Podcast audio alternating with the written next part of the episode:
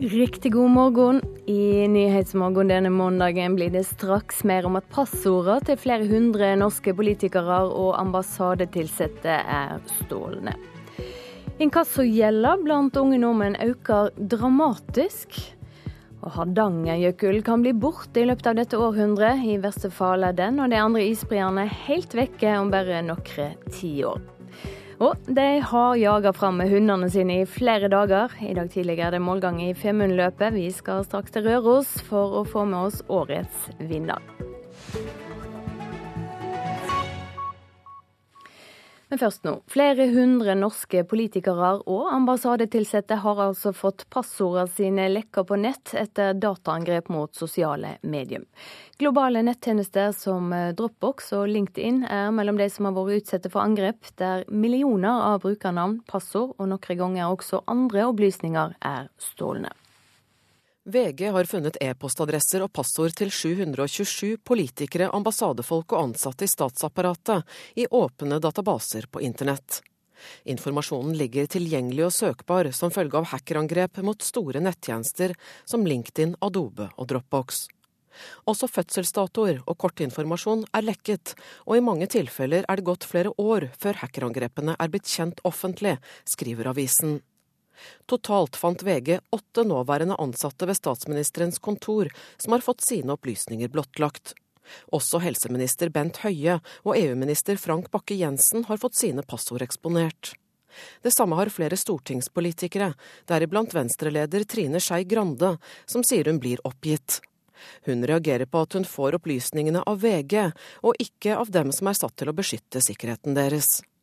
Avdelingssjef for IT-avdelingen ved Stortinget, Rebekka Gundhus, sier til VG at de er kjent med at det gjøres innbrudd på ulike nettjenester, men at stortingspolitikere knyttet til disse tjenestene ikke er blitt varslet utover det tjenestetilbyderne selv har sendt ut til sine registrerte brukere. Reporter Kristine Næss Larsen. Inkassogjelda blant unge mennesker øker dramatisk her i landet. Fra 2015 til 2016 øker inkassogjelda for de mellom 18 og 25 år med over 50% Gjelda kan føre til økonomiske problemer resten av livet, mener organisasjonen Barnas Jurist, som gir gratis rettshjelp til barn og unge. 21 år gamle Benjamin Røvik i Bodø kunne ha vært en del av statistikken hvis ikke familien hans hadde hjulpet til. Jeg hadde et par regninger som jeg rett og slett ikke hadde råd å betale. Og så gikk det på inkasso, og så måtte jeg be familien om hjelp, og de hjalp meg. Nå er jeg skyldig de pengene. Det er jo litt kjipt å være skyldig familie penger, men de har jo heldigvis ikke renta på det. Så det er jo kanskje det eneste positive med det. Tall fra inkassoselskapet Kredinor viser at unge mellom 18 og 24 år har en inkassogjeld på 235 millioner kroner. Ifølge markedssjef i Kredinor, Ingjerd Turmer, har hver person i snitt 2,6 inkassosaker. Tallene blant de unge har dessverre økt i negativ retning helt siden 2014, når vi ser i Kredinor sine inkassoporteføljer. Eh, det er jo en utvikling som eh, både går på at det er flere unge som skylder mer penger til en eller flere av våre oppdragsgivere. Jo mer en person skylder, jo vanskeligere vet vi jo av erfaring at det er å betale tilbake. Tamar Toru er prosjektleder for organisasjonen Barnas Jurist. De gir gratis rettshjelp til unge under 25 år, og opplever en stor pågang fra unge som trenger hjelp for å komme seg ut av gjeldsproblemer. Det er mange som har liten forståelse for Eh, hva ting koster, hva som er forholdet mellom inntekt og forbruk. Eh, effekten av rentes rente, f.eks.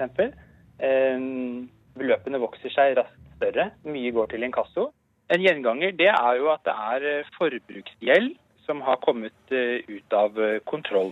Torud forteller at gjeldsproblemene kan oppleves som vanskelige for de unge og prege fremtiden deres. Det er, det er en veldig tøff situasjon å, å stå i. Og når årene går, så, så følger jo dette her med dem. Eh, problemene forsvinner ikke. Eh, og etter hvert så kan det begynne å handle om sant, at strømmen blir avstengt, at man mangler nok penger til mat, til medisiner. For dem det går riktig ille for, så kan det jo ende med at de mister boligen sin. Tilbake i Bodø forteller Benjamin Røvik at økonomi ikke er et tema han og hans venner er opptatt av. er ikke så nøye, egentlig. Det er jo, det er jo bare penger. Ja. Er det noe man ikke bryr seg så mye om? Jeg tror det.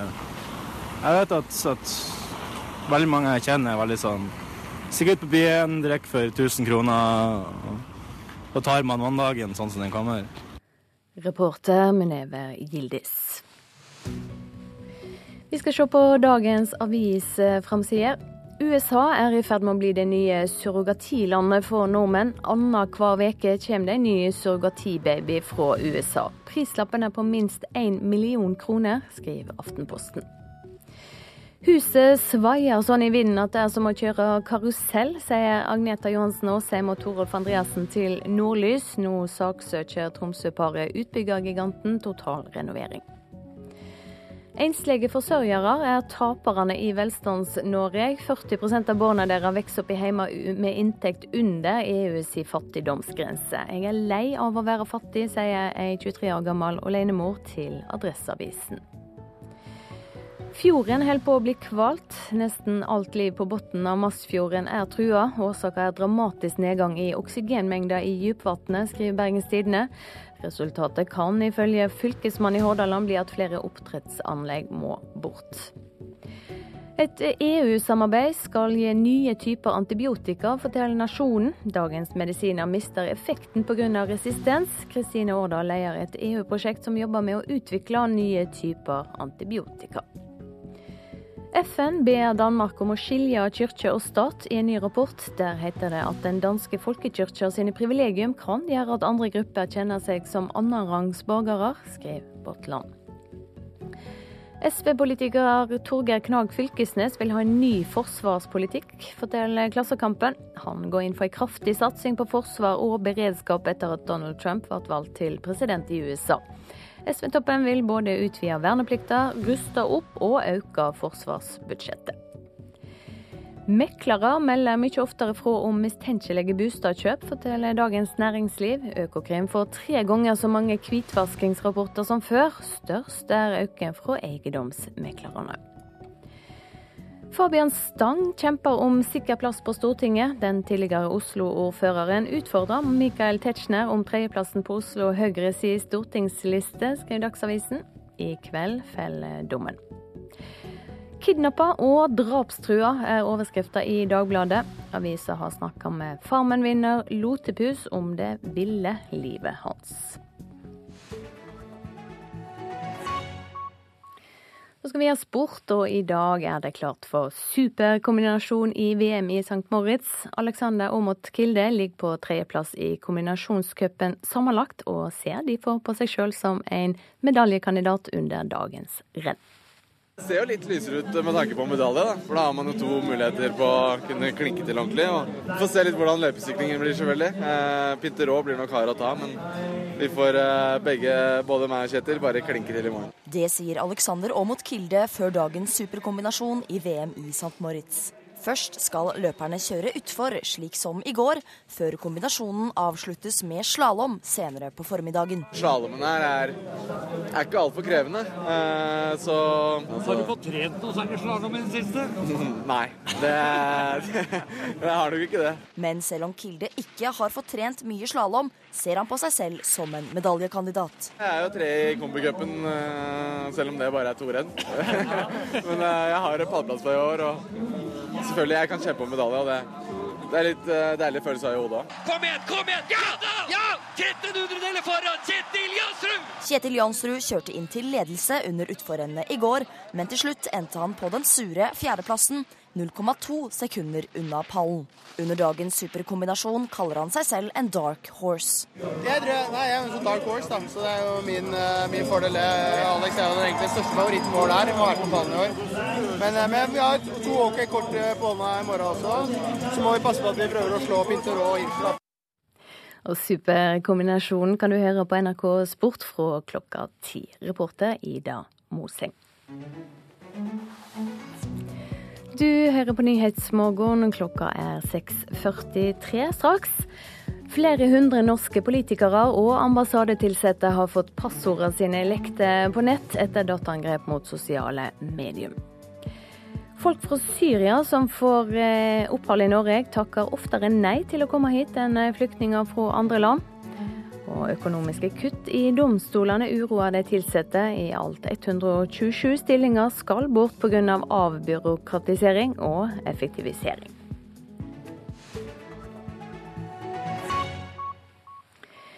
Hardangerjøkulen kan forsvinne i dette århundret, det viser en ny klimarapport. Den globale oppvarminga får skylda for at de norske isbreene smelter mer for hvert år. I verste fall er isbreen helt vekke om bare noen tiår. Bare en reduksjon i klimagassutslippene kan redde jøkulen. Jeg vil tro at så tidlig som 2070-80 at vi kan se Hardangerjøkulen forsvinne. Det sier Henning Åkesson. Han er forsker ved Bjerknessenteret, og prognosene hans viser at dersom den globale oppvarminga holder fram, vil Hardangerjøkulen forsvinne før dette århundret er omme. Det vi ser er at eh, Hardangerjøkulen eh, kan endre seg dramatisk eh, ved kun små endringer i klima. Vi mister på en måte en del av kulturarvet ved at breene forsvinner fra landskapet. Og Det er ikke for sent ennå, men vi må kanskje forberede oss på at breene ikke alltid vil være en del av det norske landskapet. Rune Verpe Engeseth er seksjonssjef for bre is og snø i Norges vassdrags- og energidirektorat. Målingene deres viser at de norske isbreene har minka drastisk de siste åra. Siden 60-tallet så har eh, breene blitt rundt 25 cm tynnere hvert eneste år. Eh, og de siste 15 årene så er den, det tapet det er fire ganger så stort som de siste 60 årene. Så det er en økende nedsmelting av breene. Mesteparten av de norske isbreene vil være borte om eh, nærmere 100 år hvis eh, vi fortsetter med, med de klimautslippene vi har i dag. Den massive bresmeltinga vil få enorme konsekvenser for natur og dyreliv. I tillegg er det flere næringer som vil bli påvirka. Det er dårlig nytt for turismen i Norge at breene forsvinner. Det er mange tusen turister som kommer hvert år for å se på og gå på breene våre. I tillegg så er det vannkraftindustrien som er avhengig av smeltevannet fra breen. Den umiddelbare konsekvensen er at de planter og dyr som lever i nærheten av en bre og er avhengig av vannet fra breen, de vil måtte flytte på seg eh, i den grad det er mulig. Både Engeseth og Åkesson er samde om at den eneste måten vi kan redde de norske breene på, er å redusere klimagassutslippene. Altså Den store smeltingen er jo i hovedsak pga. Eh, at temperaturen stiger. Så Det vi må gjøre, er å sørge for at temperaturen ikke stiger fremover. Reporter Elise Angel. Så om et av de største sledehundløpene her i landet. Like etter klokka seks i dag tidlig kjørte svenske Petter Karlsson inn som vinner av årets Femundløp. Og slik hørtes det ut like etter at vinneren kom i mål. Ja, det har ju varit, vad ska man säga, det har ju varit väldigt snabba spår. Och eh, ja, alltså väldigt hårt det är väldigt, och, och, och snabbt alltså. Så att, og och, det är ju flera spann som har legat och kört alltså väldigt fort, kanske för fort från början. Men ja, jag har inte tänkt så mycket mer på det utan jag, jag, jag, så fokuserad på det jag ska göra så jag ja, det der sitter jeg og analyserer sen når jeg kommer hjem. og du klarte det du skulle? Ja, ja, ja. Jeg gjorde ja, du vant da? Ja, jeg vant jo, Men ja, jeg hadde vel ikke tenkt riktig at jeg skulle vinne innan jeg kom hit. Men ja, som jeg hadde sagt da, innan at om jeg, om jeg, For jeg tenker på Finnmarksløpet, er jo det som er huvudmålet mitt. Og, men, men, eh, men jeg så at jeg, jag, jag har sjansen å vinne, og då, då, ja, tok tog jag den chansen. Det sa altså Petter Karlsson og reporter Helle Therese Kongsrud. Er det flere som er kommet i mål? Ja, nå kom akkurat eh, Birgitte Næss over målstreken. Dette her er jo et NM, eh, så Petter Karlsson han vant jo løpet. Men norgesmester ble han jo ikke, det var det Birgitte som ble. Så hun kom inn nå akkurat, ca. 40 minutter bak eh, Petter. Fortell litt om Femundløpet for de som ikke har det helt klart for seg. Ja, så Det er jo en av eh, de store langdistanseløpa i Norge. Det som er eh, nest lengst etter Finnmarksløpet. Eh, det er tre klasser. En for juniorer, en for de åpen klasse for de som kjører 400 km, og så er det da toppklassa der de kjører 600 km. Det foregår start og målgang er på Røros, og så er det da en rundtur rundt omkring i fjellregionen i Nord-Østerdalen.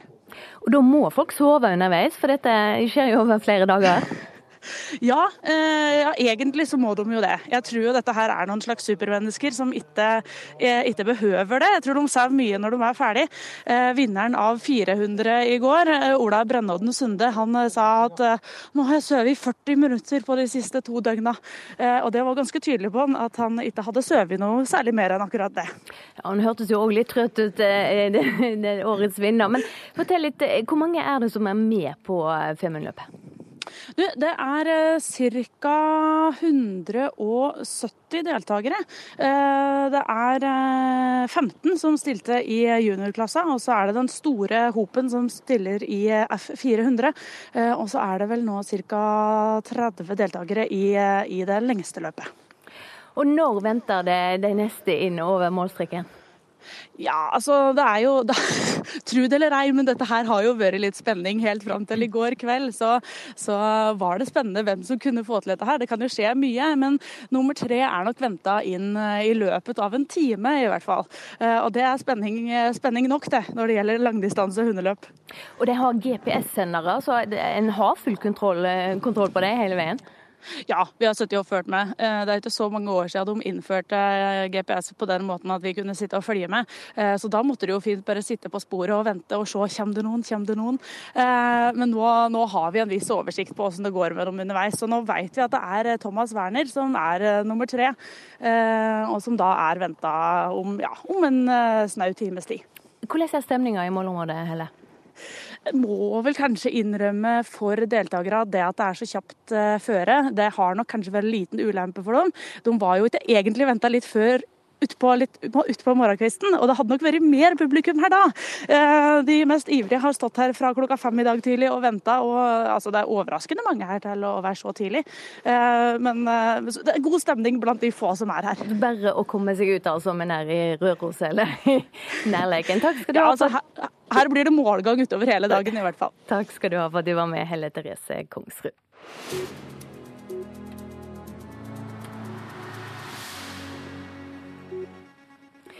Så skal det handle om de store amerikanske musikkprisene, Grammy-prisene som ble delte ut i Los Angeles i natt. Den britiske sangeren Adele vant fem av de mest prestisjefylte titlene, inkludert årets album og årets sang. Men da hun skulle hindre den nylig avdøde superstjerna George Michael, gikk det gale.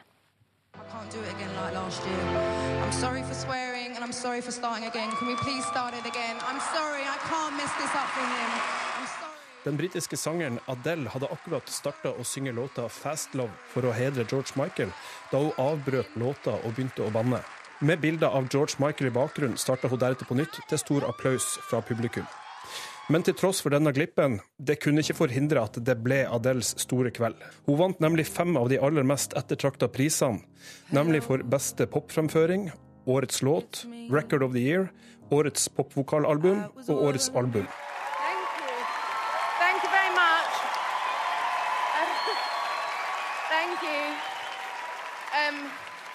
I really do apologise for swearing. I just, I, it means George Michael, I love him. It means a lot to me. So I'm really sorry if I offended anyone anywhere. Everyone, this is Greg Kirsten. It up for Greg Kirsten. Um, thank you very much uh, for this award. Um, thank you to the Academy. Thank you to my record labels, Excel and Sony. Thank you to my manager, Jonathan.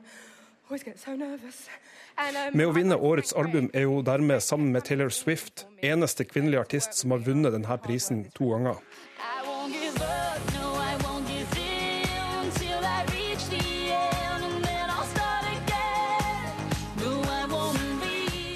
Norske artister var nominert til flere priser, og det var spesielt knytta spenning til om norske Cashmere Cat eller Stargate skulle dra hjem priser, men de måtte gå skuffa hjem. And the winner is Black Star, David Bowie. We accept this award on behalf of David Bowie, like all our musical heroes, his music is forever. Avdøde David Bowie ble hedra med flere priser, deriblant beste rockframføring for låta 'Black Star'. Den kommer fra studioalbumet med samme navn, som ble sluppet kun to uker før han døde. Beyoncé var nominert i ni kategorier, men ble hedra med bare to priser. Hun ble hylla for sin tale med politiske undertoner. We all experience pain and loss, and often we become inaudible. My intention for the film and album was to create a body of work that would give a voice to our pain, our struggles, our darkness, and our history, to confront issues that make us uncomfortable. It's important to me to show images to my children that reflect their beauty so they can grow up in a world where they look in the mirror, first through their own families, as well as the news, the Super Bowl, the Olympics, the White House, and the Grammys, and see themselves and have no doubt that they're beautiful, intelligent, and capable. This is something I want for every child of every race. And I feel it's vital that we learn from the past and recognize our tendencies to repeat our, own, our mistakes. Thank you again for honoring Lemonade. Have a beautiful evening. Thank you for tonight. This is incredible. Reporter her, det var Oddvin Aune. Audun Molde, velkommen hit til Nyhetsmorgen. Du har ansvar for populærmusikk ved Høgskolen Westerdals Oslo Act. Hva synes du om eh, vinnerne? Vinnerne er jo strålende flotte alle sammen. Det er jo et uh, luksusproblem å skulle velge mellom Beyoncé, som vi hørte her, og Adele. Sant? Men sånn er jo Grammy. Det er jo bare en sånn kaskade av uh, kunst og kreativitet og utrolig flott artisteri. Er det noen som burde ha fått pris, som eh, ikke fikk det? ja, vi har jo ni nordmenn, da. Kanskje så burde en av dem burde ha fått pris. Men nei, det var, det var jo store slem for Adele, dette her. Jeg hadde jo kanskje tenkt at eh, Beyoncé kom til å ta eh, årets album. Jeg syns albumet hennes er et fantastisk helhetlig, konseptuelt album. Så jo også Adele hyllet jo Beyoncé i, i, i sin tale. Um, og så kunne man jo kanskje se på rap-sjangeren. Der var det også veldig hard kamp mellom uh, Drake og Kenny West. Um, men Chance the Rapper, uh, store nykommeren, tok jo store slem uh, også i, i, dag. da. Det var jo norske kandidater. Hvordan er prisene sett med norske øyne? Nei, altså det, det, ble jo sagt i innslaget her nå at mange norske artister var nominert. Det er jo ikke riktig.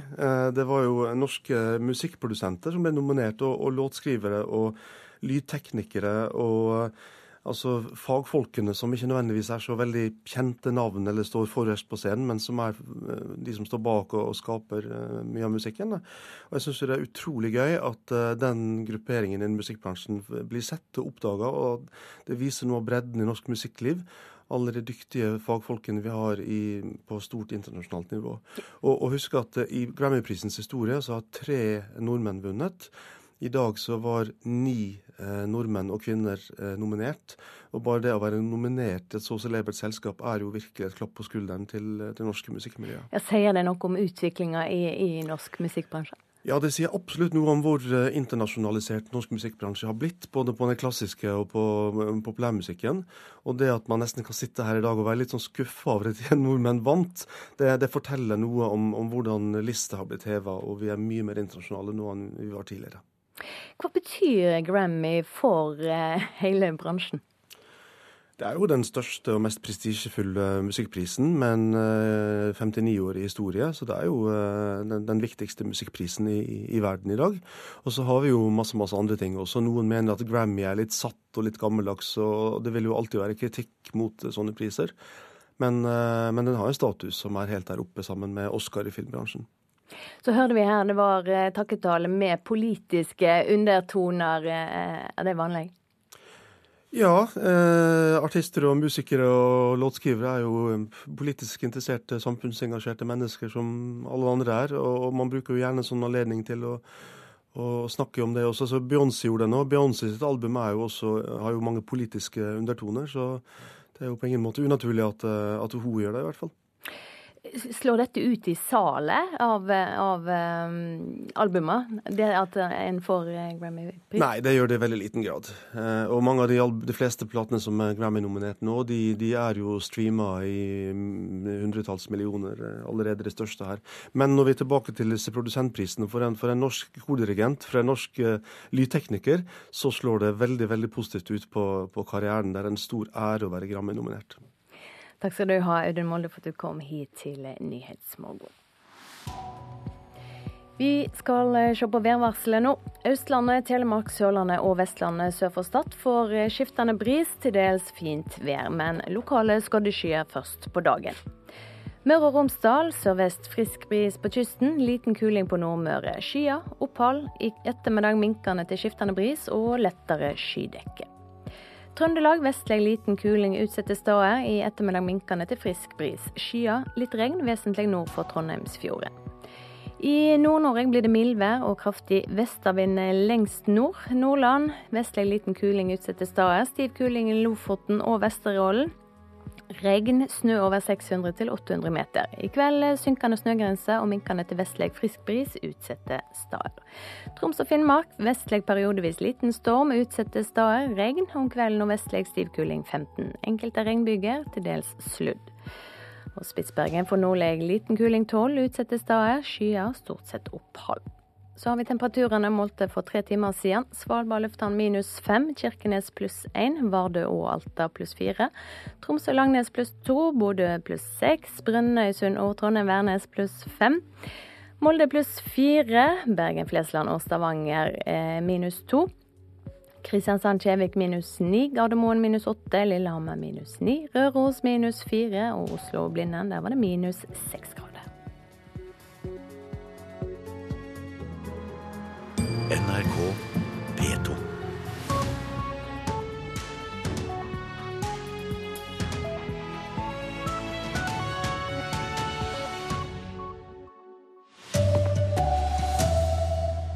Passordene til flere hundre norske politikere og ambassadeansatte er lekket. Tenk deg om før du deler personlige problemer på Facebook, advarer en psykolog. Her er NRK Dagsnytt klokka sju. Flere hundre norske politikere og ambassademedarbeidere har fått eh, passordene sine lekket på nett etter dataangrep mot sosiale medier. Dropbox og LinkedIn er blant globale nettjenester som har vært utsatt for angrep. Flere millioner brukernavn, passord og andre opplysninger er stjålet. VG har funnet e-postadresser og passord til 727 politikere, ambassadefolk og ansatte i statsapparatet i åpne databaser på internett. Informasjonen ligger tilgjengelig og søkbar som følge av hackerangrep mot store nettjenester som LinkedIn, Adobe og Dropbox. Også fødselsdatoer og kortinformasjon er lekket, og i mange tilfeller er det gått flere år før hackerangrepene er blitt kjent offentlig, skriver avisen. Totalt fant VG åtte nåværende ansatte ved statsministerens kontor som har fått sine opplysninger blottlagt. Også helseminister Bent Høie og EU-minister Frank Bakke-Jensen har fått sine passord eksponert. Sa reporter Kristine Næss Larsen. 130 000 innbyggere har fått beskjed om å evakuere etter funn av store skader på Oroville-demningen i California. USAs største demning. Ifølge myndighetene er det fare for at demningen kan revne. Demningen ligger ti mil nord for Sacramento. Den er 230 meter høy og sto ferdig i 1968. Å dele personlige problemer i det offentlige kan være problematisk. Det sier en av landets fremste eksperter på deling i det offentlige rom, Hedvig Montgomery. Hennes klare råd til folk som sliter, er å dele med dem som står deg nær, før du skriver om det på Facebook. Hvis du skal fortelle noe sterkt, et eller annet som virkelig er viktig og berørende i livet ditt, da er det faktisk et veldig vesentlig spørsmål. Hvem burde visst dette først? Spørsmålet er viktig å stille seg, mener psykolog Hedvig Montgomery, for å forsikre seg om at en har et nettverk som fanger en opp, og som kan hjelpe en å tenke gjennom deling av personlige problemer før det eventuelt legges på Facebook. Jeg treffer jo mange dette gjelder, som har stått frem med angsten sin, f.eks.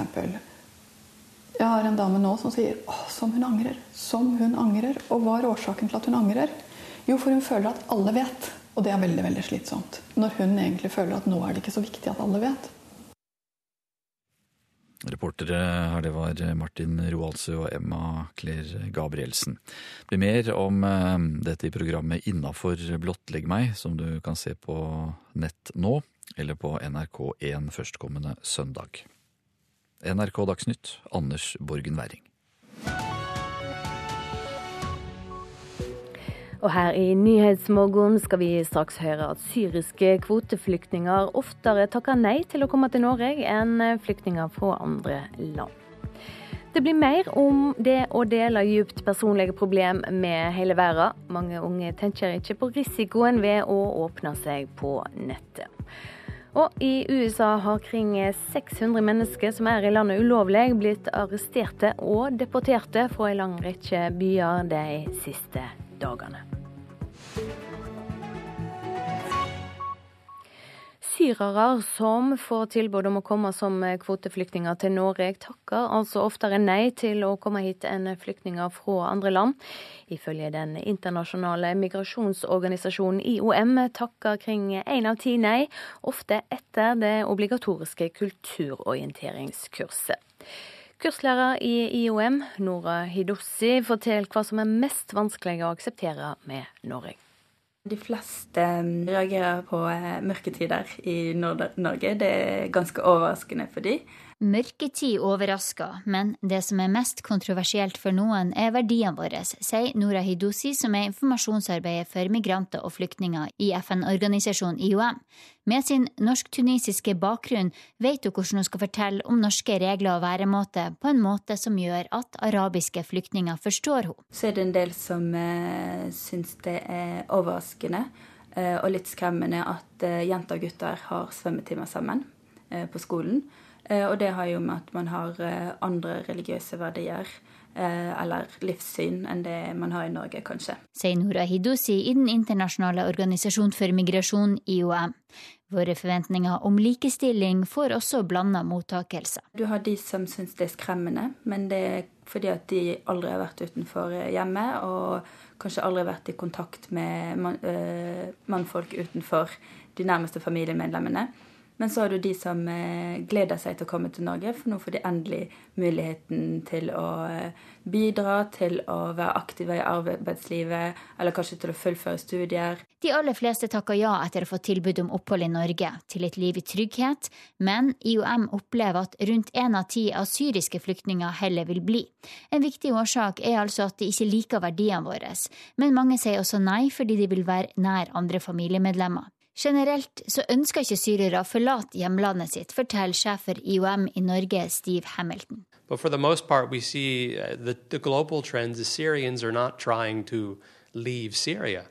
They're, they're staying in the surrounding neighboring countries waiting for a stable country to return to. De som takker ja til opphold i Norge, må gjennom det obligatoriske kulturorienteringskurset som varer i tre til fire dager, og norsk-tunisiske Nora Hidouzi i IOM holder disse kursene bl.a. i Tyrkia og Libanon. Målet er at flyktningene skal vite hva de kommer til, for som vi fortalte i forrige uke, så var det i fjor en kraftig økning i flyktninger og migranter som ville reise tilbake fra Norge og Europa. Det norske barnevernet har fått mye negativ omtale i utlandet.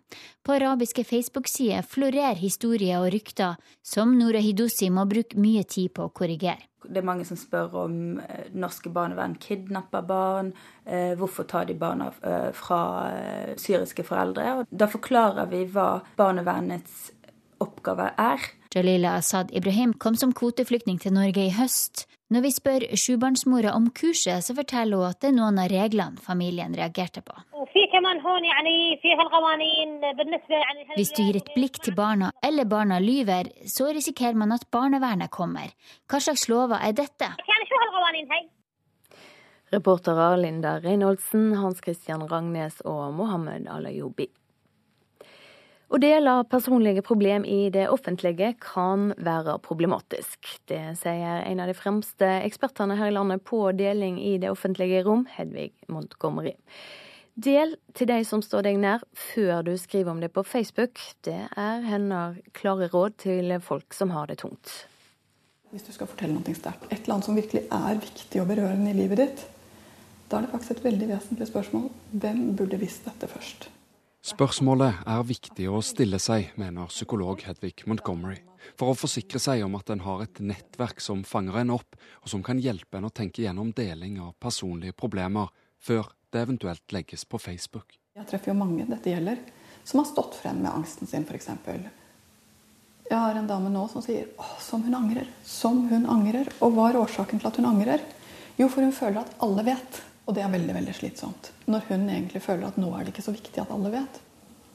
Sjekk historien din noen runder. Snakk med de som er nærmest. Sånn at du kjenner at det du forteller, ikke bare er en sånn 'og dette må jeg fortelle', men at det er noen ting du har gått noen runder og kvernet frem historien med. Du har rett og slett fått litt redaktørhjelp av dine nærmeste. NRKs dokumentarserie Innafor ser denne uken nærmere på det å dele personlige problemer. I dokumentaren 'Blottlegg meg' får vi møte en som fulgte Montgomerys oppskrift. Kaffe? I en stue på Hamar sitter Adrian Lorentzon sammen med kompisen Skjalg. Adrian mistet lillebroren i en bilulykke for noen år siden. Sorgen ble altoppslukende. To ganger forsøkte han å ta sitt eget liv, før han til slutt valgte å åpne seg til nettopp Skjalg. Kjørte opp til han, og så ringte jeg på. Og så sto jeg på trappa og grein som en drittunge. Det var liksom når du sitter og veier opp for og imot leve eller dø. Mm. Så på en måte var jo du på den ene vektskåla. Mm. For meg så er det uten tvil sånn at den viktigste åpenheten, det er den åpenheten som er mellom to mennesker. Om ting som skjer nå. De nærmeste kan være en kompis, en mor, en far eller et søsken. Det er disse som burde få vite om dine personlige problemer først, sier Montgomery. Hvis mamma får lov til å se det på øh, bloggen din, så kommer hun til å føle seg veldig lite viktig og faktisk sviktet også. Og sannsynligheten for at hun fanger deg opp, føler seg nær deg, blir mye, mye mindre. Hvis du så kjenner at dette kan jeg fortelle til flere, gjør gjerne det. Men pass på rekkefølgen. Reportere her Martin Roaldsø og Emma Claire Gabrielsen. Dokumentaren 'Blottlegg meg' kan du se på nrk.no. En tenåringsgutt fra Hedmark er sikta for å ha fått 48 jenter til å sende han seksualiserte bilder og video via internett. Politiet har etterforska saka i snart ett år, og har nå sendt henne til statsadvokatene i Hedmark og Oppland, som avgjør om det blir tatt ut tiltale mot gutten. Bistandsadvokat Inger Johanne Reiestad Hansen sier jentene føler skyld og skam etter at de lot seg lure til å sende gutten intime bilder og videoer av seg sjølve. De aller fleste jentene har det for så vidt bra, men de opplever at de har mye skam og skyldfølelse for hva de har vært med på. Så mange plages av at de har vært eh, og latt seg utnytte eh, av eh, han som nå er siktet. Det sier advokat Inger Johanne Reistad Hansen. Hun er bistandsadvokat for over halvparten av de 48 jentene som er en del av siktelsen mot en tenåringsgutt fra Hedmarken. Han er bl.a. siktet for å ha lurt jenter i alderen 11 til 16 år til å sende ham seksualiserte bilder og videoer via sosiale medier fra 2013 til 2016, voldtekt, for seksuell omgang med mindreårige, for å ha truet eller forsøkt å ha truet de fornærmede, og for å ha avtalt møter med barn under 16 år. Nå er saken sendt til statsadvokaten i Hedmark og Oppland, som avgjør om det blir tatt ut tiltale mot gutten, sier politiadvokat i Innlandet politidistrikt Liv Hilde Nytrøen. Dette har vært en omfattende sak som har vært utfordrende for politiet å etterforske. Både i forhold til at den krever veldig store ressurser, men også at det er utfordrende datateknisk. Arbeidet med å identifisere jentene har vært krevende.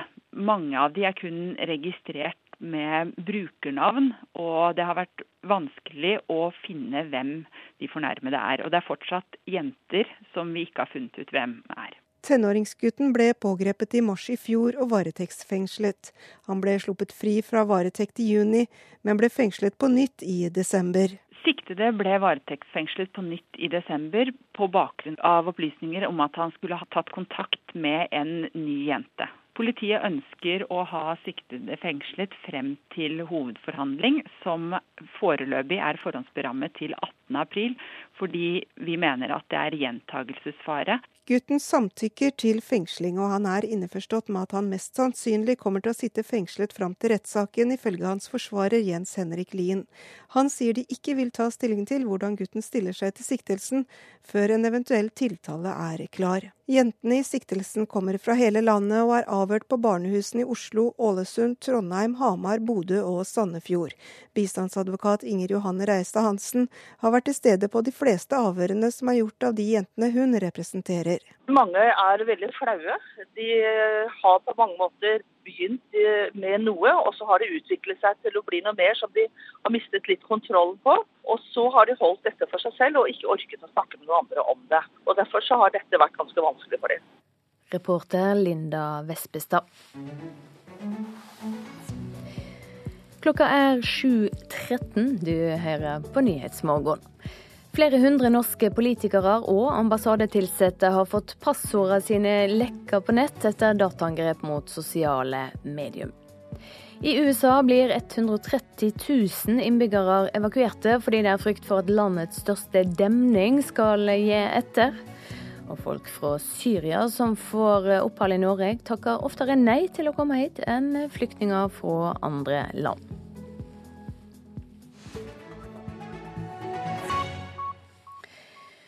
I USA har kring 600 mennesker som er ulovlig i landet, blitt arresterte og deporterte de siste dagene. President Donald Trump har samtidig lova nye tiltak for å styrke tryggheten i USA denne veka, etter at innreiseforbudet for flyktninger og folk fra sju i hovedsak muslimske land ble stoppa av en domstol. Seeing my mom in that van, it was unexplainable. It was really, um, it was really heart dropping. En fortvilet 14-åring i Arizona forteller hvordan det var å se moren bli kjørt bort og deportert til Mexico. Jacqueline Rayos Garcias mor Guadalupe kom til USA ulovlig da hun selv var 14. Like før helga var hun en av trolig rundt 600 papirløse innvandrere her som ble deportert. Aksjonen fant sted i minst seks byer i hele USA. Guadalupe Garcia del Rayos bodde i grensedelsstaten Arizona og hadde tidligere blitt anmeldt for å ha skaffet seg et falsk amerikansk personnummer. Well, first of all, they're not rounding anyone up. Um, the people ICE apprehend are people who are um, illegal and then. Immigrasjonsmyndighetene sier deportasjonskampanjen de siste dagene har rettet seg mot papirløse innvandrere som har begått kriminelle handlinger. De sier også at dette var en rutineaksjon planlagt før Donald Trump overtok, og at slike aksjoner gjennomføres et par ganger i året. Presidenten selv tvitret imidlertid i går at aksjonen er et bevis på at han holder sine valgkampløfter, og at gjengmedlemmer og narkolangere nå blir fjernet fra landet. Også en av Trumps nærmeste rådgivere i Det hvite hus, Stephen Miller, sa til Fox News at aksjonen til immigrasjonsmyndighetene er en del av presidentens løfte om å deportere flere raskere. Right now, as a result of greatly expanded and more vigorous immigration enforcement activities are taking place. En presidentordre har gjort denne aksjonen mer omfattende enn den ellers ville ha vært, sier Miller. I går fikk amerikanerne bli bedre kjent med den 31 år gamle rådgiveren som skal ha vært hovedarkitekten bak det omstridte innreiseforbudet til president Trump. Miller kom til Trump i valgkampen etter å ha jobbet for justisminister Jeff Sessions da han var senator. Nå jobber han tett sammen med president Trumps sjefstrateg Steve Bannon med Amerika først-strategien, der en tøffere innvandringspolitikk er en viktig bærebjelke. Miller dukket opp på alle de ukentlige politiske prateprogrammene her for å forsvare Trump etter dommen som stanset innreiseforbudet i forrige uke. Miller har i mediene fått kraftig kritikk for å ha utarbeidet forbudet i hui og hast, uten å rådføre seg med eksperter. På NBCs Meet the Press lovet han at forbudet for innreise til USA for mennesker fra sju muslimske land vil bli gjeninnført. The bottom line is, is that we are pursuing every single possible action to keep our country safe from terrorism. Vi gjør absolutt alt vi kan for å sikre landet vårt mot terrorister. inkludert å lage en ny presidentordre som har dette målet, dersom det blir nødvendig, sier Miller. Han mener dommen fra ankedomstolen i San Francisco på torsdag var politisk, og viser at domstolene forsøker å ta kontroll over presidentens makt i USA. Trump-administrasjonen har varslet nye tiltak for å sikre grensene og stenge ute terrorister allerede denne uka. Kanskje vil presidenten signere en ny presidentordre rundt slike temaer allerede i dag eller i morgen. Tove Bjørgaas, Washington. Og vi holder oss i USA, for eh, nord i delstaten California fikk 130 000 mennesker i natt eh, beskjed om å evakuere etter at det ble funnet skader på det som er USAs største demning. Styresmaktene frykta at deler av demninga skulle gi etter. And then everybody that was using 20 to head east up into the foothills, up into the Grass Valley area. Those are the ones. Trafikken sto stille på veiene ut fra åtte byer og tettsteder som ligger nedenfor Oroville-demningen i California, USAs største. Demningen ligger 105 km nord for delstatshovedstaden Sacramento. Etter kraftig regn og snøvær den siste tiden begynte man å slippe ut vann fra demningen på torsdag. Men like etter midnatt norsk tid i natt fikk 130 mennesker en ordre fra sheriffen i Butte County. Alle i Oroville og andre steder nedenfor demningen må evakuere straks. Dette er ikke en øvelse, understreket han.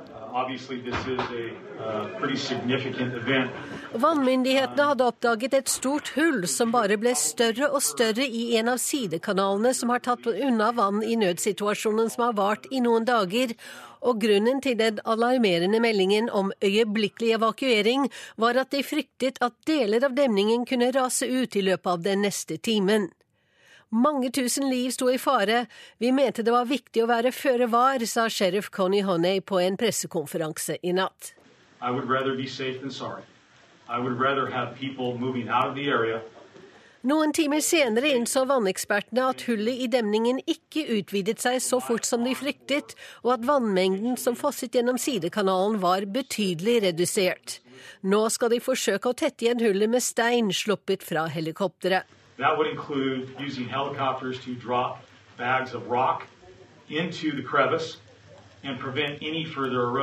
Selv om den umiddelbare faren er over, står evakueringsordren ved lag.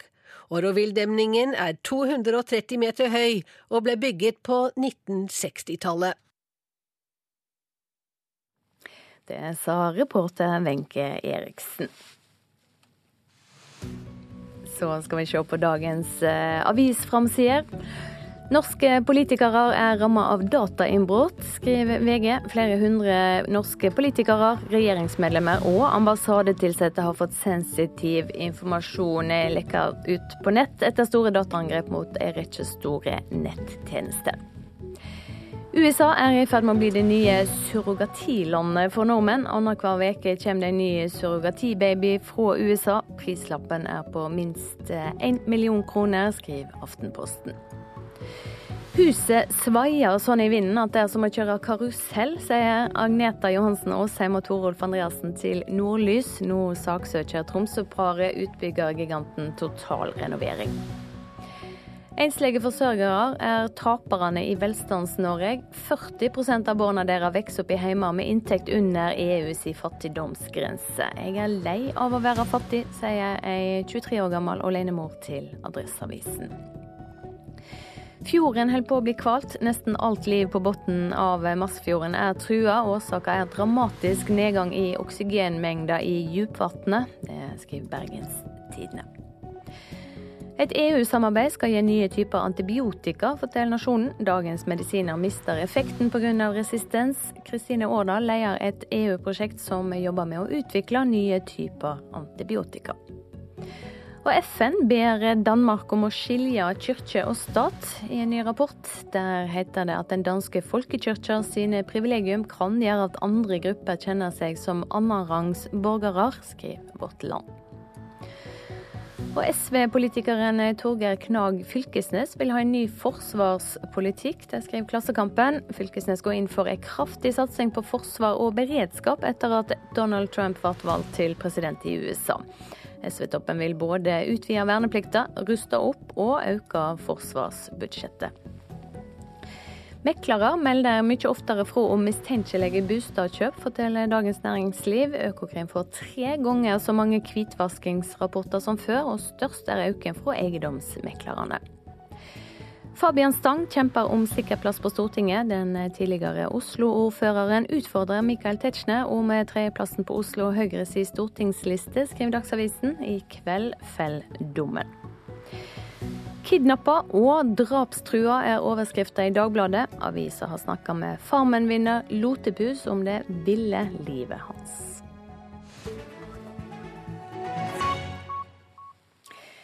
I eh, Politisk kvarter skal det handle om hvordan vi kan forsvare oss mot dataangrep fra utlandet, programleder Lilla Sølhusvik.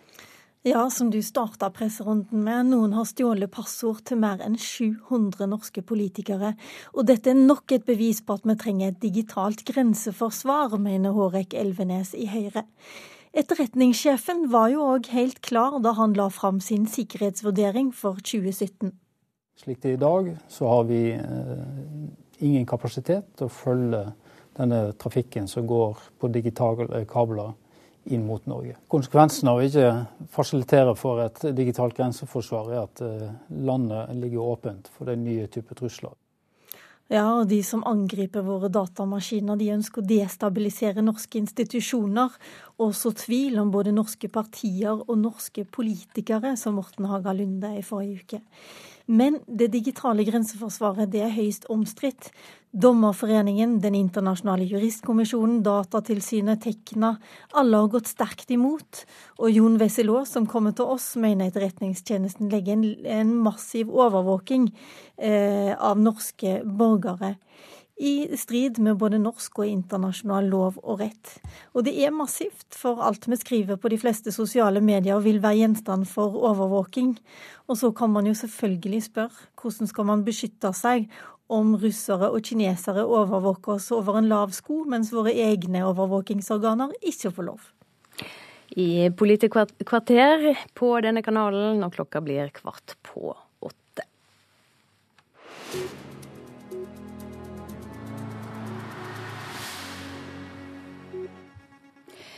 Tilsatte i norske domstoler er uroa for budsjettkutt de må gjennomføre etter at regjeringa vil minske byråkratiet. I Drammen tingrett har den øverste lederen der, sorenskriver Kristin Kielland Mørdre, allerede svært trange budsjett. Vi har nå så lite penger at vi har ikke lenger penger nok til drift. Og det gir seg f.eks. utslag i at vi ikke har nok penger til porto for å sende ut brev som vi skal.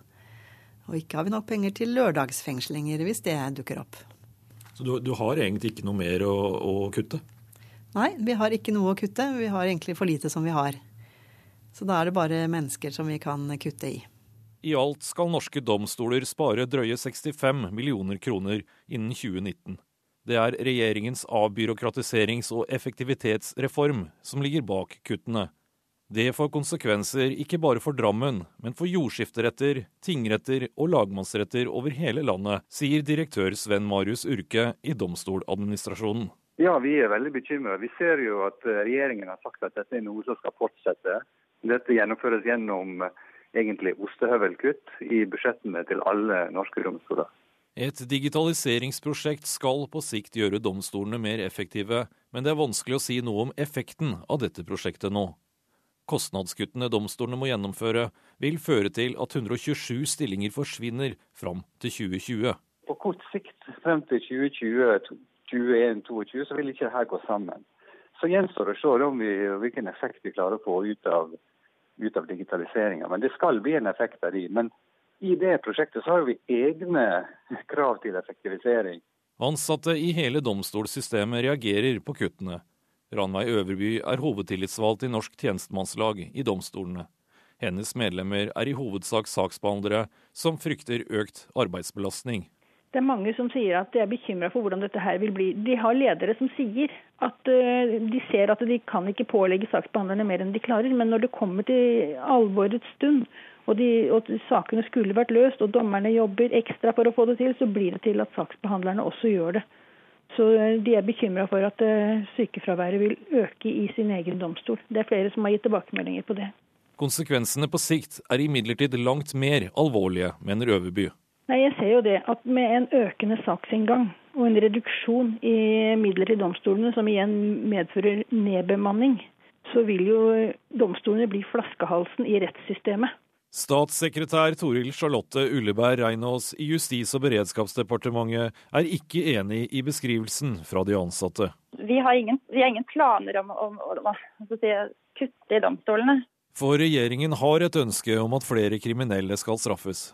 I alt er bevilgningene økt med drøye 250 millioner kroner til domstolene, hevder statssekretæren. 200 millioner går til digitaliseringsprosjektet ved å digitalisere domstolene helt eh, ut med det vi nå arbeider med, vil frigjøre en hel del tid og kapasitet hos dommerne, så de kan få gjort flere saker med det samme antallet dommere som nå. Men når effekten av den eh, digitaliseringsprosessen kommer, det er du ikke sikker på? Den vil jo komme løpende nå. Vi skal være helt ferdig innen seks år.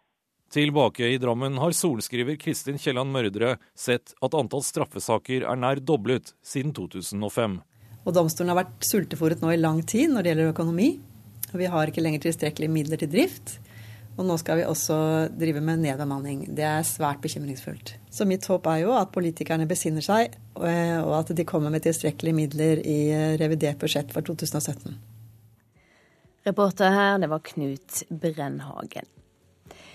Klokka nærmer seg 7.30 og Dagsnytt i hovedsending. Etter det, om vel ti minutter, skal det handle om kvinner som Donald Trump kaller for Pocahontas her i Nyhetsmorgen. Produsent i dag Arild Svalbjørg. Her i studio Silje Sande.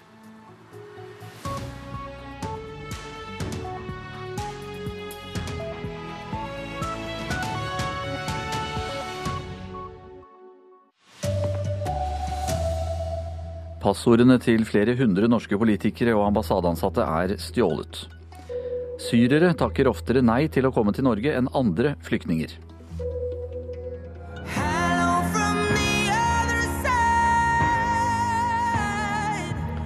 Adele vant de to gjeveste Grammy-prisene i natt, både for beste album og for låta 'Hello'.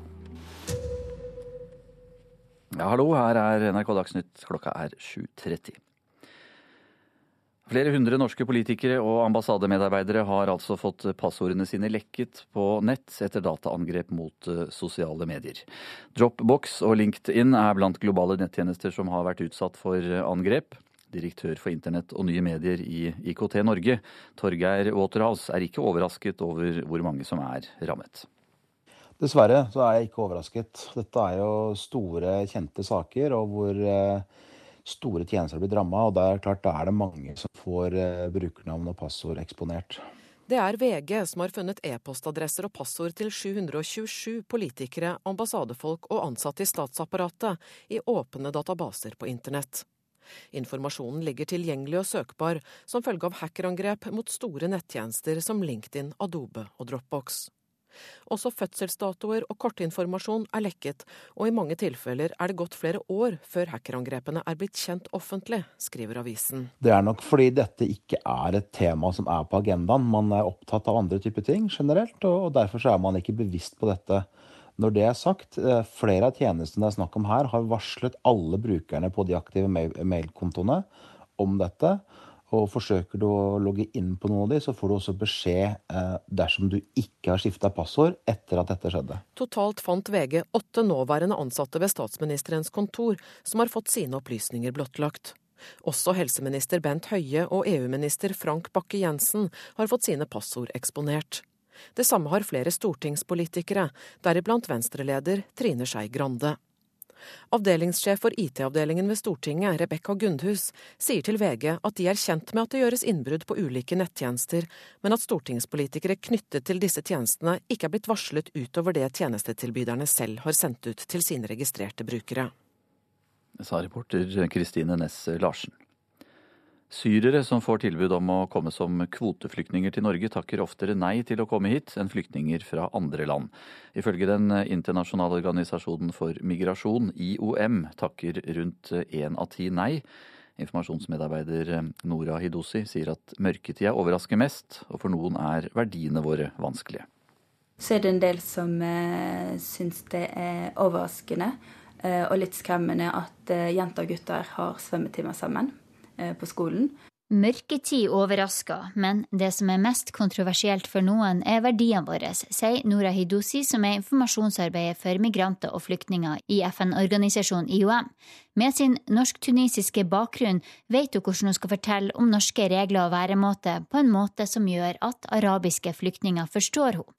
Våre forventninger om likestilling får også blanda mottakelse. Du har de som syns det er skremmende, men det er fordi at de aldri har vært utenfor hjemmet. Men så har du de som eh, gleder seg til å komme til Norge, for nå får de endelig muligheten til å eh, bidra, til å være aktive i arbeidslivet, eller kanskje til å fullføre studier. De aller fleste takker ja etter å få tilbud om opphold i Norge, til et liv i trygghet, men IOM opplever at rundt én av ti av syriske flyktninger heller vil bli.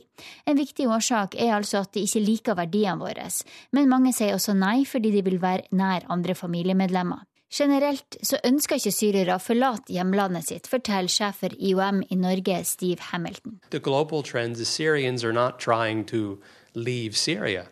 They're, they're staying in the surrounding neighboring countries, waiting for a stable country to return to. Reportere her, det var Linda Reinholdsen og Mohammed Alayoubi. Nord i California fikk 130 000 mennesker beskjed natt om å evakuere etter at det ble funnet skader på USAs største demning.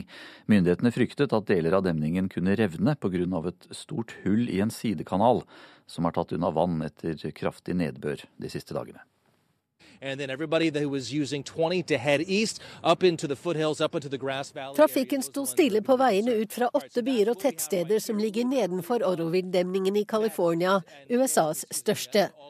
Etter kraftig regn og snøvær den siste tiden begynte man å slippe ut vann fra demningen på torsdag. Men like etter midnatt norsk tid kom ordren fra sheriffen i Butte County.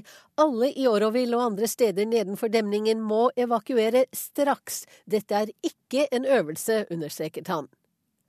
Vannmyndighetene hadde oppdaget et stort hull som bare ble større og større i en av sidekanalene som har tatt unna vann i nødsituasjonen som har vart i noen dager, og grunnen til den alarmerende meldingen om øyeblikkelig evakuering var at de fryktet at deler av demningen kunne rase ut i løpet av den neste timen. Mange tusen liv sto i fare. Vi mente det var viktig å være føre var, sa sheriff Connie Honey på en pressekonferanse i natt. I would rather be safe than sorry. I would rather have people moving out of the noen timer senere innså vannekspertene at hullet i demningen ikke utvidet seg så fort som de fryktet, og at vannmengden som fosset gjennom sidekanalen var betydelig redusert. Nå skal de forsøke å tette igjen hullet med stein sluppet fra helikopteret. Det sa utenriksmedarbeider Wenche Eriksen. Å dele personlige problemer i det offentlige kan være problematisk. Det sier en av landets fremste eksperter på deling i det offentlige rom, Hedvig Montgomery. Del til dem som står deg nær, før du skriver om det på Facebook, er hennes klare råd til folk som sliter. Hvis du skal fortelle noe sterkt, et eller annet som virkelig er viktig og berørende i livet ditt, da er det faktisk et veldig vesentlig spørsmål. Hvem burde visst dette først? Spørsmålet er viktig å stille seg, mener psykolog Hedvig Montgomery, for å forsikre seg om at en har et nettverk som fanger en opp, og som kan hjelpe en å tenke gjennom deling av personlige problemer før det eventuelt legges på Facebook. Sjekk historien din noen runder. Snakk med de som er nærmest, sånn at du kjenner at det du forteller, ikke bare er en sånn 'og dette må jeg fortelle', men at det er noen ting du har gått noen runder og kvernet frem historien med. Du har rett og slett fått litt redaktørhjelp av dine nærmeste. NRKs dokumentarserie Innafor ser denne uken nærmere på det å dele personlige problemer. I dokumentaren 'Blottlegg meg' får vi møte en som fulgte Montgomerys oppskrift.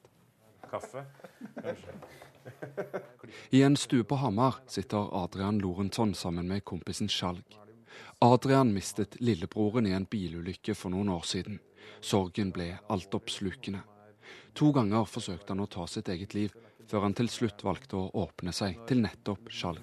For meg så er det uten tvil sånn at den viktigste åpenheten, det er den åpenheten som er mellom to mennesker.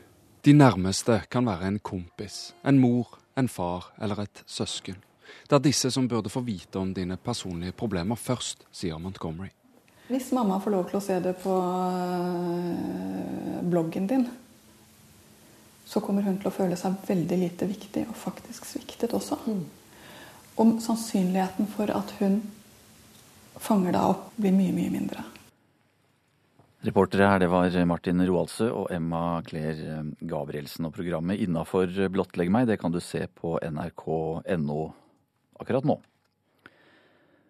De store amerikanske musikkprisene, Grammy-prisene, ble delt ut i Los Angeles i natt. Den britiske sangeren Adele vant fem av de mest prestisjefylte prisene, inkludert årets album og årets sang. Men da hun skulle hedre den nylig avdøde superstjernen George Michael, gikk det galt.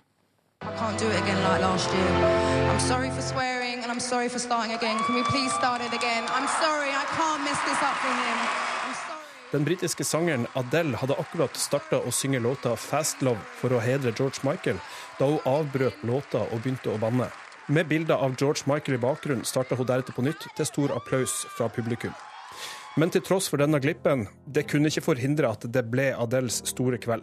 Hun vant nemlig fem av de aller mest ettertrakta prisene, nemlig for beste popfremføring, årets låt, Record of the Year, årets popvokalalbum og årets album. Thank you very much. Thank you. Um, first of all, I really do apologise for swearing. I just, I, it means George Michael, I love him. It means a lot to me. So I'm really sorry if I offended anyone anywhere.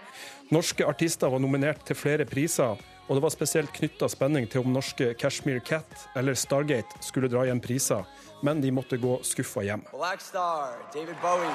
Avdøde David Bowie ble hedra med flere priser, deriblant beste rockframføring. This award on behalf David Bowie, like all our musical heroes, his music is forever. Det ble altså Adels store Grammy-kveld. Reporter her, det var eh, Oddvin Aune. Sven Gullvåg har eh, ansvaret for NRK Dagsnytt eh, i dag. Jeg heter Anders Borgen Werring.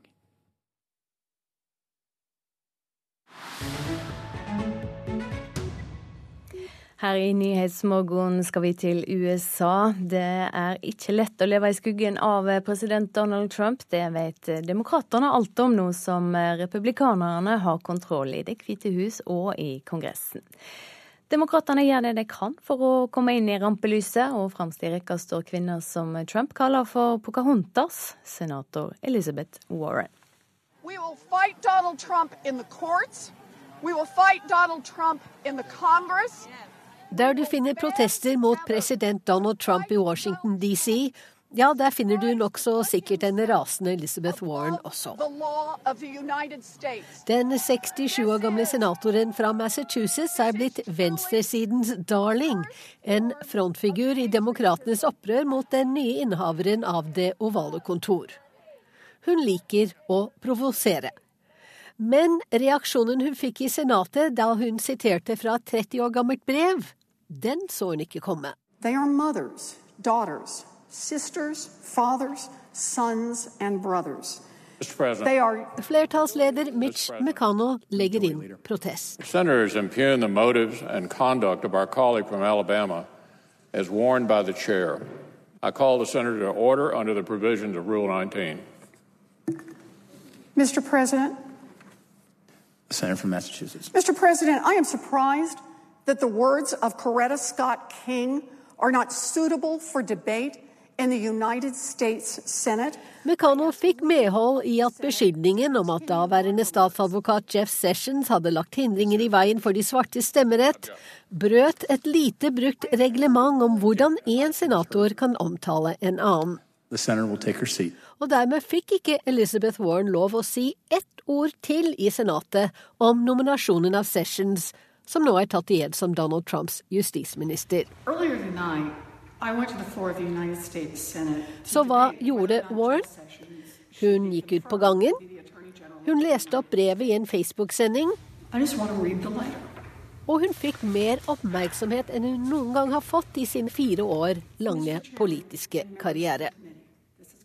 Det kokte på sosiale medier.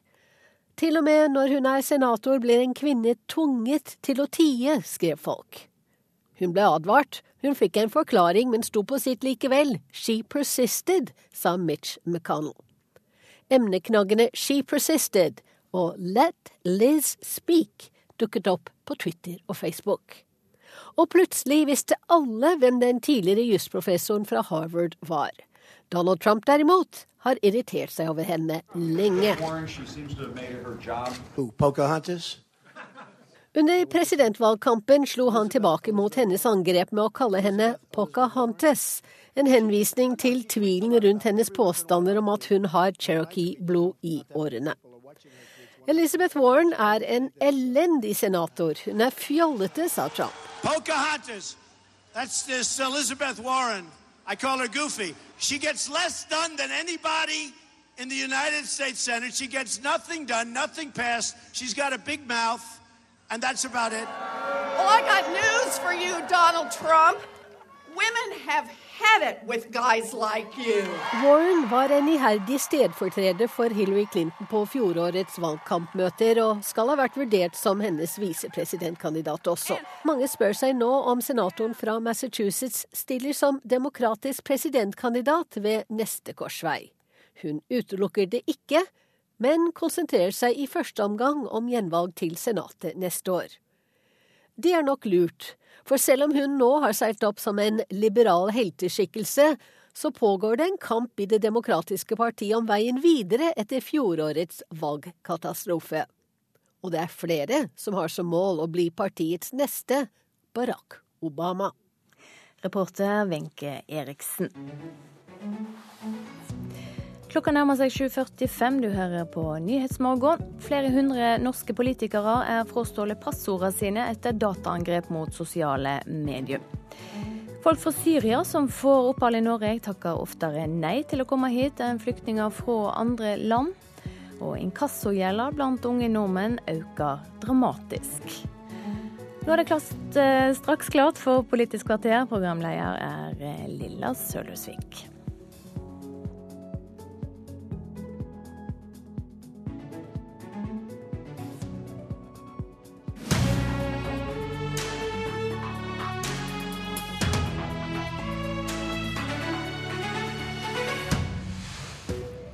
«700 norske politikere er frastjålet sine passord i sosiale medier.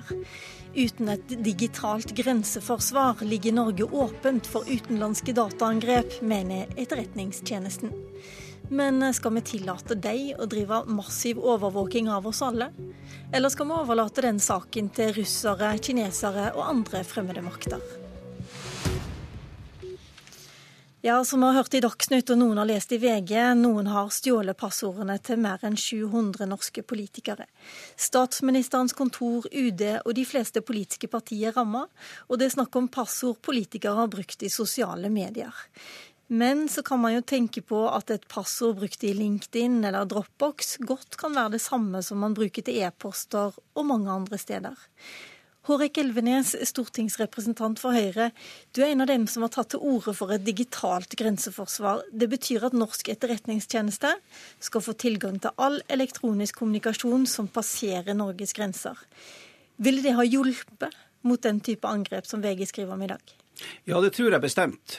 Vi ser jo at den saken i VG det bekrefter det som både E-tjenesten, PST og som Lysne-utvalget har sagt, at den digitale trusselen mot Norge er brutalt økende.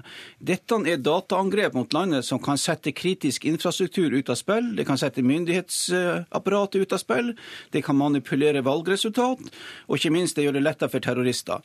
Dette må vi ta på det dypeste alvor, og, og se bort ifra denne trusselen vil være en form for naivitet som vi ikke kan ha i dette spørsmålet. Jeg tror et slikt grenseforsvar absolutt kan være med å, å stoppe denne trusselen mot Norge, som er dypt alvorlig. Jon Wesselås, du er styreleder i den norske avdelingen av Internasjonale juristkommisjonen. og Du mener forslaget om digitalt grenseforsvar rett og slett strider både mot norsk lov og internasjonal lov. Kan du forklare oss det? Ja, det er jo det er det ikke bare, bare, jeg som mener. Det er jo flere juridiske høringsinstanser som har, har, vært inne på det. Men det har noe å gjøre med dette er jo et veldig komplisert og omfattende forslag, eh, som de folk flest sikkert ikke har lest. Men altså delvis eh, så, så innebærer hele grunntanken her at det man skal sitte med innsamling av, i, og lagre i halvannet år, det vil være data om kommunikasjonen til store deler av den norske befolkningens aktivitet, særlig på internett. Fordi definisjonen av hva som er utenlandsk eh, kommunikasjon, det er at minst én av avsender eller mottaker er utenfor Norges grenser. Og Det vil bety at alt vi driver med av kommunikasjon i som du sier, sosiale medier, når vi lagrer ting i skytjenester utenfor Norge, selv om vi to kommuniserer med hverandre via sånne tjenester og befinner oss i Norge, så vil det regnes som utenlandskommunikasjon. Og Det er i hvert fall umulig å skille det fra annen kommunikasjon. Men det vi hører nå fra alle disse sakene som kommer, det er jo at ja, russere, kinesere. Mm. Noen ganger har vi ikke adresse på det. Men utenlandske makter de kommer og overvåker oss. Hvorfor skal ikke norsk overvåkingstjeneste få lov til å gjøre det samme? For altså, å forsvare oss, da. Ja, Nå kan man jo svare litt enkelt på det og si at det er, det er, mye galt som gjøres i verden uten at det forsvarer at man skal gjøre det selv. Men, men viktigere her er å for, forstå hva vi snakker om. Det er jo ikke først og fremst dette forslaget til å samle inn data om store deler av vår kommunikasjon eh, i elektroniske medier som vil forsvare oss mot dette. Her er jo Hackingen vi snakker om her, er jo manglende, først og fremst manglende sikkerhet der hvor det blir hacket hos enkeltmennesker, politikere og andre som ikke sikrer seg godt nok, som slumser med, med, datasikkerheten sin selv, enten i virksomheter eller seg selv, det er et stort problem, og det har teknologene også pekt på. Og det er ingen tvil om at vi må ha systemer for å for å ha bedre beredskap mot sånt, men du må begynne sikkerheten der hvor den er. Det er jo ikke sånn at det ikke har skjedd hacking i f.eks. i USA. Det så vi mot Det demokratiske partiet i valget. Et land som har en ekstrem overvåkning av elektronisk kommunikasjon. Det kjenner vi jo i hvert fall godt til nå etter Snowden-avsløringene. Mm. Eh, så det er jo ikke sånn at du kan stanse dette. Det er jo ikke noen grense på internett, eh, for så vidt. Mm. Og angrep kan like gjerne komme innenfra, så vi må finne systemer. Eh, men dette systemet mener jo vi og mange andre, også teknologene, både er uegnet og i tillegg også juridisk uh, uforsvarlig. Elvenes må få svare litt ja, på det. For det er helt riktig som Wesselås ja. sier her, at det er norske dommere, advokater, ingeniører, Datatilsynet sterkt imot. Gjør ikke det inntrykk? La oss ta dette ned, hva det egentlig dreier seg om. Det er snakk om å kunne gi E-tjenesten anledning til målrettede søk i visse datastrømmer på tvers av landegrensene, under tre viktige forutsetninger. En, Eh, det skal være en klar formålsdefinisjon hvorfor man går inn og henter ut denne eh, informasjonen. To, domstolene skal ha godkjent dette på forhånd, og det skal være et digitalt grensetilsyn som hele tida kontrollerer at E-tjenesten opererer innenfor de rammene som domstolen har gitt tillatelse til. Andre land har jo dette. Frankrike, Sverige, England, Canada, USA. Finland og Nederland vurderer å innføre dette. Og så sier Wesselås at det har jo faktisk ikke hjulpet dem. Og dette er også land som opererer eh, innenfor menneskerettigheter og har et strengt personvern.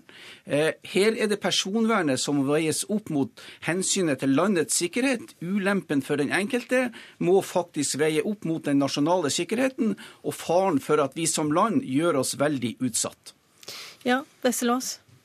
Ja, altså det er, jo, det er jo ikke noe problem å være enig i at man ikke skal være naive. Men, men hvis man ser på det som er sagt fra alle disse høringsinstansene du nevner, så er det jo mye mer moderat enn det. Det er jo ingen som snakker om at vi ikke skal gjøre noe, men det er det forslaget her som det er litt vanskelig å gå i detaljer på. Men det er som, jo ganske lett for dere som er advokater, jurister, eksperter til å finne mange feil. Det man ja. lurer på er jo hva i all verden skal man gjøre? For det er jo helt åpenbart at noe må gjøres. Ja, Da bør man også involvere teknologene her. Miljøer som Sintef har også gått ut og sagt at dette må utredes mye bedre, også med tanke på å finne en effektiv måte å gjøre det på. De sier jo selv at dette ikke er det ikke være effektivt. Man sier at i løpet av noen få år så vil 60% av kommunikasjonen være så hardt kryptert f.eks. at man ikke får bruk for det. Og når vi snakker om å begrense dette, så er jo forslaget her at hver domstolskjennelse på å få søk på, på, personselektorer, som det heter, skal omfatte rett til å gå inn i kommunikasjonen i to ledd utenfor den personen. Eh, og, og det betyr den som har kommunisert den du har, og hvem den har kommunisert med, hvem den har kommunisert med, og ett ledd til. Og der har forskere i Stanford, basert på det amerikanske systemet, vist at i to ledd, da vil det å si ja, du skal få lov å se på kommunikasjonen til den ene personen. Hvis du omfatter to ledd ut, så er det 25 000 personer på ett søk. Eh, så, så det, det, her kamuflerer man litt hva det dreier seg om.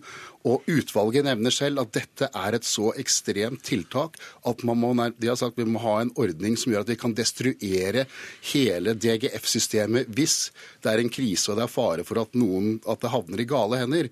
Når du innrømmer det, da forstår du hvor dramatisk det er. Jeg har bare lyst til å ha med Iselin Nybø eh, kort. Eh, du er stortingsrepresentant for Venstre og er med oss fra Stavanger. Dere har gått sterkt ut mot det digitale grenseforsvaret, men blir du litt i stuss når du leser i dag at din egen partileder og informasjonssjef er blant dem som har fått avslørt passordene sine?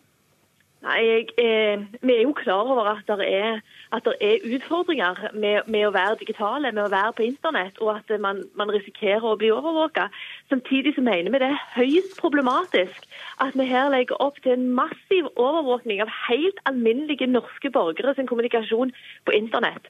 Og så er det alltid gode formål bak det å overvåke, men det å ikke diskutere den problematiske følgene et et forslag vil ha, syns jeg er ganske oppsiktsvekkende. Fordi at eh, det, det, For det første så, så, kan vi, så, kan vi, snakke om at folk blir redde for å fortelle ting, fordi de er redde for at andre folk skal få vite det. For det andre så vil det alltid være fristende å utvide formålet til f.eks. politiformål. Når du først har informasjonen, la andre få bruke den, la andre som trenger den, få se den Og Så, videre. så her, eh, her, det er ganske dramatisk og, og inngripende forslag som, som, har kommet fra dette utvalget. Så jeg mener jo òg at Høyre, Høyre bør, bør, i større grad diskutere de problematiske sidene med alminnelige folk sitt personvern når staten skal drive sånn massiv overvåkning. Ja, Driver dere ikke og diskuterer de problematiske sidene i Høyre, Elvenes? Og det er nettopp det vi gjør. Vi er på søk etter balansepunktet som ivaretar personvernet og samfunnssikkerheten. Men med respekt å melde så syns jeg Venstre er en smule naiv i det spørsmålet her. Venstre er representert på Stortinget, og Venstre har også et ansvar for nasjonssikkerhet sikkerhet. Og Vi skal huske på det at både EU og Nato har vært entydige på at samarbeid mellom E-tjenestene på tvers av landegrensene er det fremste våpenet vi har i bekjempelse av terror. Her er vi på søk etter et en løsning som ivaretar viktige hensyn, at tilliten til myndighetene fortsatt er til stede og opprettholdes, og at personvernet er til stede. Og Jeg syns det er gledelig i debatten her at Wessel Aas nå er på glid mot en løsning som på en måte ivaretar disse forholdene. Tidligere har jo Wessel-Aas mer, mer, fremstått som en eh, kategorisk eh, motstander av eh, enhver form for digitalt grenseforsvar. Digitalt grenseforsvar det kommer til å bli tema igjen, det kan jeg bare love, men vi må sette strek der. Takk skal dere ha.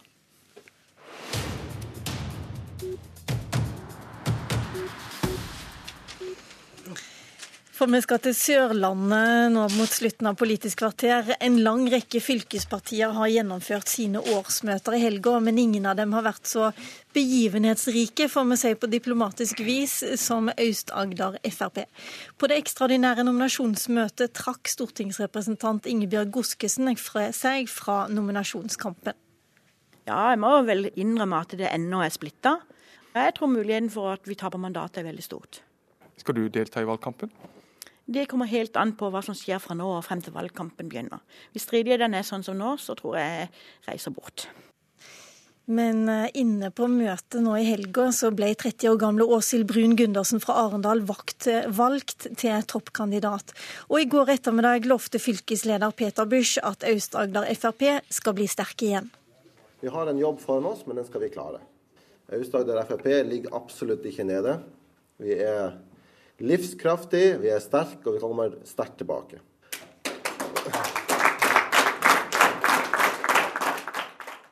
Ja, Det er ikke helt enkelt å følge med i stridigheten i Aust-Agder, men det har du prøvd og gjort, kollega Svein Sundsdal i NRK Sørlandet. Nå skal hele fylkeslaget på organisasjonskurs. Hvordan skal det gi ro i rekkene? Ja, jeg tror nok uh, først og fremst det, det, satses nå på at uh, folk har fått blåst skikkelig ut i helga på dette badehotellet i Langesund. At det er det som vil gjøre susen og skape ro.